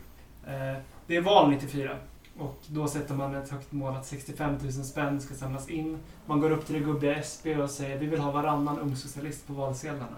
SP går med på detta. Man eh, har en plan om att besöka Almedalsveckan, man ska såklart arrangera rockkonserter, man ska turnera och sådär. Men sen så slås man då av att den här nya organisationen man har är inte en kaderorganisation där medlemmar kan aktiveras utifrån direktiv från ledningen. Istället manifesterar valkampanjen en brist på disciplin och en ganska låg entusiasm. Det blir väldigt tveksamt hur mycket US egentligen bidrar till den. De samlar in 7800 kronor av de 65 man hade tänkt sig. Och eh, sen fotnot. 94 avslutas med en smärre skandal som man skriver. En före detta ledande medlem i Ungsocialisterna greps efter att ha stulit vapen, skjutit på polisen och minerat en bil i Umeå. Va? Det, är ju den bästa kamraten i huset, helt uppenbart. Vad var det för? Det här är också, kan jag säga, den fotnot som finns om Ungsocialisterna i Säpos rapport om dem. Eh, Det är, det är ett icke-politiskt brott då, sluts det till. Och eh, telefonavlyssningen visar att, eh, ja, just det också. Det var ju trist. Men och sen från och med det här, alltså sommarläget är väl på något sätt piken. Sen, sen går det inte så jävla bra för dem. De, de testar olika konstellationer för sin organisation och olika programförklaringar typ och, och sånt. Men det, de repar sig inte riktigt. Är vi nu äntligen inne i, eh, i den här liksom, min, mini-poddserien på en vänster som vi känner och älskar. Där det är fem pers som sitter i ett rum och bara undrar varför funkar ingenting? Varför går allting åt helvete hela tiden? Varför får vi inte ihop några pengar? Och så vidare och så vidare. Lite så är det. 95, 96, 97 går åt det hållet. Eh, 95 så gör man en eh, utvärdering av vad man har gjort för fel de här senaste åren. Jag tycker att eh, slutsatserna är rätt intressanta. Tre större fel kan man säga. Felaktiga förslag till motstånd, som att fixa rockkonserter. Alltså de älskar verkligen de här rockkonserterna. Eh, bristande klassperspektiv, det vill säga en för stor fokusering på folkrörelserna. Och den sistnämnda som jag tror är aktuell för många än idag. Man har intalat sig att politik skulle vara kul. Därmed blir medlemmar lätt demoraliserade när de inser att det inte alltid är det. Mm, och sen kommer det då i mitten av 90-talet en elevkampsvåg som de är lite tagna på sängen av och där mest eh, RS, eller offensivarna, lyckas eh, dra in medlemmar i elevkampanjen. Eh, några år senare, då 97, så har man ett möte med, jag tror jag, fyra närvarande medlemmar. Där man bestämmer sig för att helt enkelt gå in i SP. Efter detta så flammar Ungsocialisterna upp då och då som oberoende grupper eller liksom självständiga ungdomsförbund. Bland annat i Stockholm och Göteborg vet jag. Nu tror jag att Ungsocialisterna mest är en fotnot i Internationalen ungefär. Eh, Ska vi ha lite diskussion om efterordet? Det är Ja. typ mest inte. Ja, efterordet är ju lite rivigare. Det är, jag vet inte vem det är som har skrivit det, men det är väl en annan person än som har skrivit resten. Mm. Och det skrivs då 2005 eller? Mm. Mm. Eh, I efterordet som försöker dra slutsatser av 25 år av Ungsocialisterna så urskiljs ju vissa mönster som vi har varit inne på lite också. Till exempel det att det finns ett tydligt samband mellan Ungsocialisternas möjligheter och förmåga att skapa sig en offentlighet och organisationens hälsa. Typ alltså, den växer, Ungsocialisterna växer och blir mer dynamiskt när man är ute och gör saker, när man har rapportörsturnéerna, eh, när man vänder sig inåt och koncentrerar sig jättemycket på att strukturera sitt eget arbete, syna sitt eget funktionssätt, ibland till och med på individnivå, då faller man tillbaka. De två sorternas typiska ungsocialistiska grupper tror jag också att fler än bara ungsocialister kan känna igen sig i. Typgrupp 1. Två personer som saknar sociala kontakter nog för att växa. En sån grupp kan bli långlivad, men den kommer inte bli särskilt produktiv. Typgrupp 2, det kallar han för en röksvampsgrupp. Eh, Den bekräftar en social identitet hos sina medlemmar, eh, men eftersom ungdomars livssituation är mycket föränderlig bryts den subkultur som gruppen ut- utgjorde sönder och gruppen kollapsar. Så ungefär som en röksvamp då, den växer till snabbt, blåses upp och exploderar. När man trampar på den. Ja, just det. Eh, önskan är då att funktionen också skulle vara som hos röksvampen, att sporer sprids som ger upphov till nya grupper. Men tvärtom har det visat sig vara omöjligt att omplantera en ung socialist från en stad till en annan. Eh, för att då ingår man i en ny social enhet när man flyttar. Det, det sätter väl fingret på jättemycket, eller på jättemånga SUF-grupper runt om i Sverige genom åren, genom tiderna. Brukar inte de vara liksom röksvampsgrupper? Men jag tänker att det, jag tror att det är jättesymptomatiskt för alla ungdomsgrupper generellt. Alltså det är inte bara vänstergrupper utan vilken grupp som helst som, som är organiserade ungdomar. Det är eh, till sin natur jättesvårt att hålla dem livaktiga. Att det, det, det blossar upp. Det är ett gäng personer som kör några år och om man inte får till en bra, eh, ett bra generationsskifte, vilket ju ungsocialisterna pratar om hela tiden, deras jobbiga generationsskiften som alltid ställer till det. Om man inte får till det så eh, då dör den. Eh, Men förhoppningsvis så, så dyker upp en ny grupp någon, någon annanstans. Eh, Men om man samtidigt har problem med, med kontinuitet och kanske ja, men så här, inte syns så mycket på, på nationell nivå så, så blir det ju svårt då att eh, ja, men så här, Tillväxt. ja, precis, återtillväxten eh, blir svår. Du är ju i någon mån ungdom och du har varit aktiv i ungdomsförbund och organisationer, både på Ja. vänsterkanten och mer opolitiska. Finns det någonting annat i Ungsocialisterna som du känner igen? Nej, men jag tyckte att det var intressant i, i efterordet också att de pratade en del om ja, men så här, normbyggande i grupper och det, det är väl särskilt eh, ja, men så här, relevant i, i mindre grupper att det lätt blir en, en kompisgängstruktur som särskilt kanske i ett vänstersammanhang att man hela tiden behöver tampas med typ så okej men vad är vår bild av vilka vi är, vilka vill vi vara, både som så här, ungdomar som eh, inte riktigt vet så här, vilka de vill vara på ett personligt plan men också så här, som politisk identitet, så här, vill vi vara arbetare eller studenter eller ungdomar och så vad betyder det? Och eh, i, i efterordet så landar de väl i att egentligen att alla, alltså så fort man sätter en norm så blir den automatiskt exkluderande. Eh, jag tänker jag kan läsa det citatet för jag tycker att det är ganska eh, kul. Under slutet av 80-talet och början av 90-talet lyftes identitetssidan av det politiska engagemanget fram och hyllades. Olika strategier för identitetspolitik, där det var just identiteten som skulle vårdas och spridas, skapades. Jag tror att det är en förödande inställning och ungsocialisterna polemiserade mycket mot den. Varje gruppidentitet är per definition exkluderande. Om man säger vi är ett gäng fågelskådare med fotriktiga skor och en problematisk inställning till intimhygien, säger man samtidigt vi är inte ett gäng hårdrockare med fula kepsar och begynnande alkoholproblem. Uh, jag menar, jag tänker också alltså, så här, där med identitet, om man inte har en bild av vem man själv är, så är det ju jättesvårt typ, att se, okej men vad, vad gör jag, eller så här, vad, vad, vad, vad är vår position som grupp i samhället, så här, vad är vi för sorts aktör? Alltså att bara, det går ju typ inte. Nej, och den här idén att man ska hitta liksom det rena revolutionära subjektet som ska liksom gå över kön, eh, subkulturer, eh, geografiskt område och liksom att man ska vara så en god blandning, typ. Jag, alltså, jag ser det bara inte som realistiskt, men jag, jag vet inte. Mm. Vi ser ju det här i Ungsocialisternas historia som den tecknas här att när de får igång en framgångsrik grupp som blir stark, då stärks också banden internt i gruppen. Och man börjar, som de nämner, skriva skämtsamma sånger, vilket verkar vara väldigt populärt. Eh, hitta på internskämt och sådär och sen blir den lite sluten. Men det är en väldigt svår pitch att göra till någon man vill värva. Alltså om då en revolutionär vänstergrupp i en situation som vi ändå har levt i de senaste decennierna av ganska låga nivåer av klasskamp ska gå ut till en eh, ny medlem och säga du, du ska bli revolutionär socialist, det kommer att utmärka dig totalt från alla andra i samhället. Du kommer vara i väldigt många sammanhang, sammanhang en person med väldigt udda tankar. Eh, och då kanske den personen har då, eh, be, skulle då vilja komma till mötet och känna det kan jag ställa upp på, för, bara jag får komma till er och vara med i ett kollektiv där jag är normal, där jag får känna mig vanlig, där jag får skoja om sånt som bara ni fattar. Att då lägga på Nej, för på våra möten så ska vi bara vara som vilken människa som helst. Eh, och det finns inget som är speciellt med oss det kräver en eh, liksom, självkaraktär och Guds nåde för att orka med den ekvationen, eller hur? Ja, och lägg ovanpå det att man, inte nog med att man ska förneka det faktum att man lever i en subkultur, utan man ska också eh, tala om att krossa den subkulturen, att man ska liksom försvinna ur den, att man ska vara liksom emot den samtidigt som man, Mm. att man har den är det enda som gör, alltså det här känner säkert jättemånga igen sig i, som har varit eh, liksom aktiva länge, att man har en sån enorm ambivalens. Jag menar det handlar ju mycket den här podden om också, så att vi sitter och gottar oss i vänstersubkultur eh, och är typ så, "Äh, det är så töntigt, men samtidigt som vi älskar den liksom. Så att det är en sån jätteambivalens som många, som man går runt och bär på liksom. Mm. Eh, som, jag vet inte, jag har ju absolut inget smart att säga om det liksom. Ja, nej det blir ju, i många fall blir ju då typ anti-identiteten, identiteten i sig, att man är, man är normal.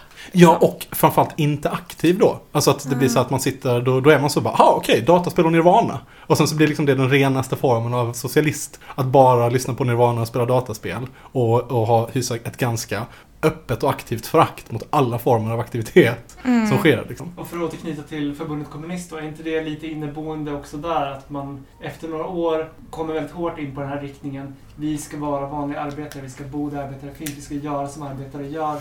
Gör man som arbetare gör, ja men då är man väl socialdemokrat. Mm. Mm, visst. Gud, jag, nu är det så många spår, jag vet inte riktigt vad jag vill säga. Men jag tänker också, också angående identitet. Eh, i det här efterordet så, han, han som har skrivit det menar också att ungdomar ofta är mer konservativa i sin politiska identitet än eh, man kanske blir när man är äldre. Eh, att man kanske är mer bokstavstrogen eller så här, det är viktigt typ att känna att man har en ja, men så här, ren linje på något sätt för att jag tänker att det är lite den här att vara lite nyfrälst kanske men också att, eh, att vara i ett sammanhang där man är rätt ung och kanske inte har någon stark annan utpräglad identitet att det politiska blir väldigt viktigt så att man kanske inte eh, man, man, man, det här som eh, vi har lyft att vi kanske gillar med förbundet kommunist att de, de kunde vara ganska vad kallade du det? Odogmatiska? Precis, eller politiskt flexibla kanske. Ja, politiskt flexibla. Att det, det är någonting som, som den här författaren identifierar finns i, i lägre grad bland, bland folk som är yngre. Och att det kanske handlar lite om mognad, gissar jag.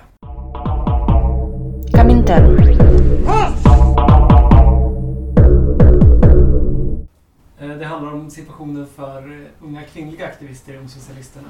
Då skriver man så här i vitboken. När Ungsocialisternas propaganda för första gången kritiserades för grabbighet var jag helt oförstående. Vi gjorde ju bara saker vi tyckte var bra, klistermärken vi tyckte var effektiva, flygblad vi tyckte var roliga. Så här i efterhand kan jag se att mycket var grabbigt. Den självsäkert ironiskt slirande tonen, som delvis var vår egen, delvis ett arv från Johan Ehrenbergs epok vid Ungsocialisternas grundande, var ungefär samma som användes i till exempel grabbtidningen Slits. Jag vill fortsätta på det Mm, citatet för jag, det har ett efterföljande. Ska jag säga. Eh, men just angående typ vem man vill vara och vilka man vill prata med så fortsätter då det här citatet. Eh, det är viktigt att man är uppmärksam på den sortens pro- problem och att man utformar material och propaganda som talar till olika människor. Det kräver att medlemmar ibland accepterar propaganda som inte talar till dem själva. Att försöka göra propaganda som talar till alla tror jag leder till sin motsats. Man får valaffischer där det står “Det här är Lennart” på. Och mottagaren tänker “Jaha, den som försöker tala till alla talar till ingen”. Eh, nej men jag tycker att det är intressant eh, att ja, men de här diskussionerna kring eh, ja, men kanske framförallt typ identitet och vilka man vänder sig till och, och vem man vill vara. Att det, det har liksom varit pågående. Och sen kanske inte de har kommit till jättemycket slutsatser i det. Förutom kanske det här att, eller det är i alla fall tror jag som jag utläser ur efterordet att ja, men så det finns ingen poäng typ att vilja vara en normie. Typ att så här, det är, men så här, folk är olika generellt. Alltså, så här, det, det går inte att hitta någonting som, som talar till alla. För då bygger man liksom bara en egen karikatyr av eh, vem så här, den vanliga personen är. Som att inte folk är olika. Och så här, ja, men, arbetarklassen är liksom inte en, en homogen grupp och det blir ju att, att skapa någon slags karikatyr av den eh, när man försöker göra det till en homogen grupp. Eh, och det är väl jättesvårt att förhålla sig till liksom, att det finns massa motsättningar i det. Men det blir väl också lite att, att lura sig själv, att, att man ska vara den som är som så här ett blankt blad som bara ska kunna fyllas med, med innehåll. Eh, Gaspar och Svante, vad har ni lärt er av historien idag? Eh, Jag tyckte att det var väldigt välfunnet och eh, relevant för vår tid. Det som återges av någon av dessa revoltörsturnéer som ungsocialisterna genomförde på mitten av 90-talet i en tid av liksom all, ganska tilltagande alienering och intresse för politik. Att man rätt aktivt försökte relatera till eh, politikerföraktet som en positiv kraft. Man såg det som väldigt lovande. Men när man kom ut på skolan och pratade med folk så förstod man att det man kanske hade tolkat som politikerförakt var ofta synonymt med eller samma sak som förakt för politik. Det känner jag kan stämma till ganska stor grad idag också. Det är en svår nöt att knäcka det där. Det är inte givet att det är någonting positivt. Att det, det kan lika gärna vara ett uttryck för, för demoralisering i allmänhet. Eh, Okej, nu, nu försvann allt jag tänkte på för att, eh, Mm. med, med tanke på det du sa. Nej men, eh, det, eh, för att det här, det nästet med ant, att vara politikerförakt och antipolitik. Jag tycker vi borde, vi borde tala om antipolitik någon gång, alltså hela den strömningen eller den tanken. För det är så jävla spännande och, tror jag, väldigt viktigt att förstå på något sätt. Men Skitsamma.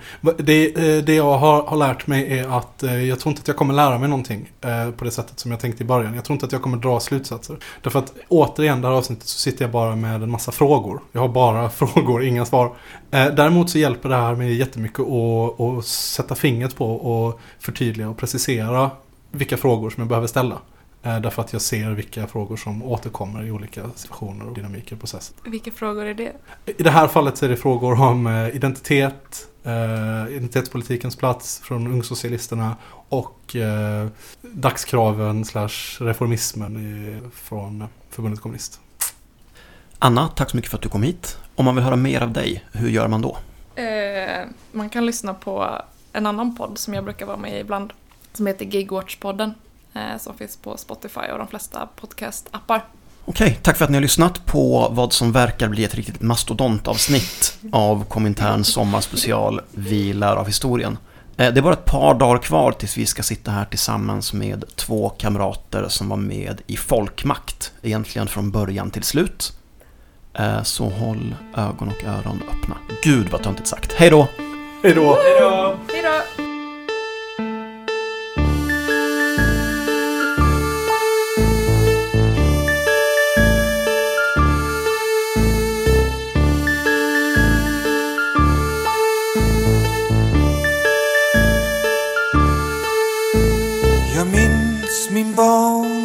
Längtan. Jag minns den starkt och klart. Att kunna gå på lina under en cirkus välvda tak. Tänk att få sväva högt där uppe som en stjärna i det blå. Långt ovan pajasar och clowner vill jag dansa fram på tå.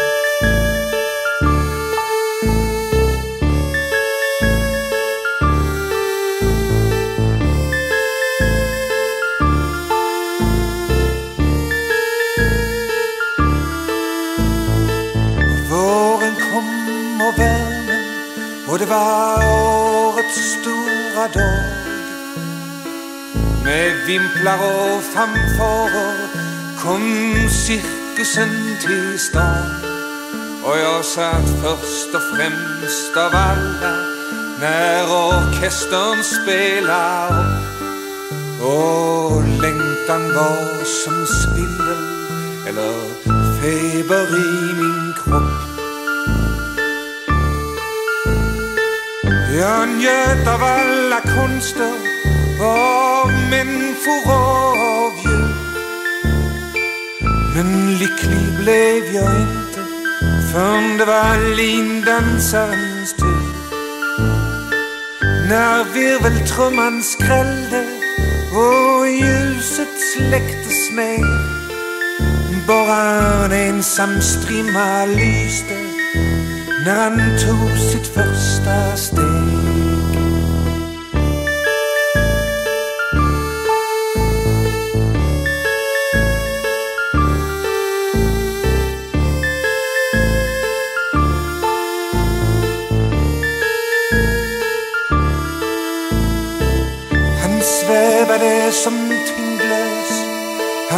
Dansa som i trans Det var så obeskrivligt vackert Att vi förstod att det är sant.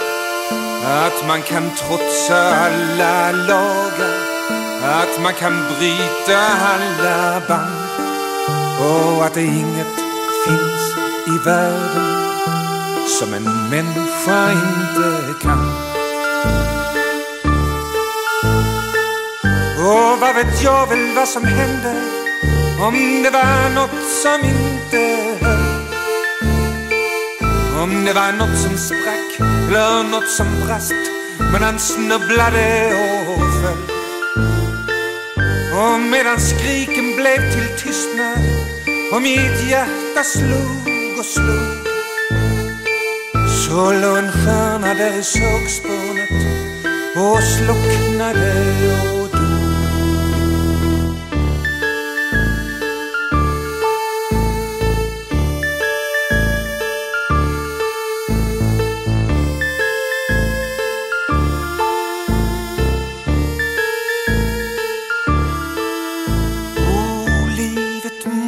måste levas också när man inte längre vill. Men jag gick aldrig mer på cirkus, jag hörde inte längre till. Det är som miste man förmågan att ge sig drömmarna i våld när man har sett en stjärna falla på allt för nära håll.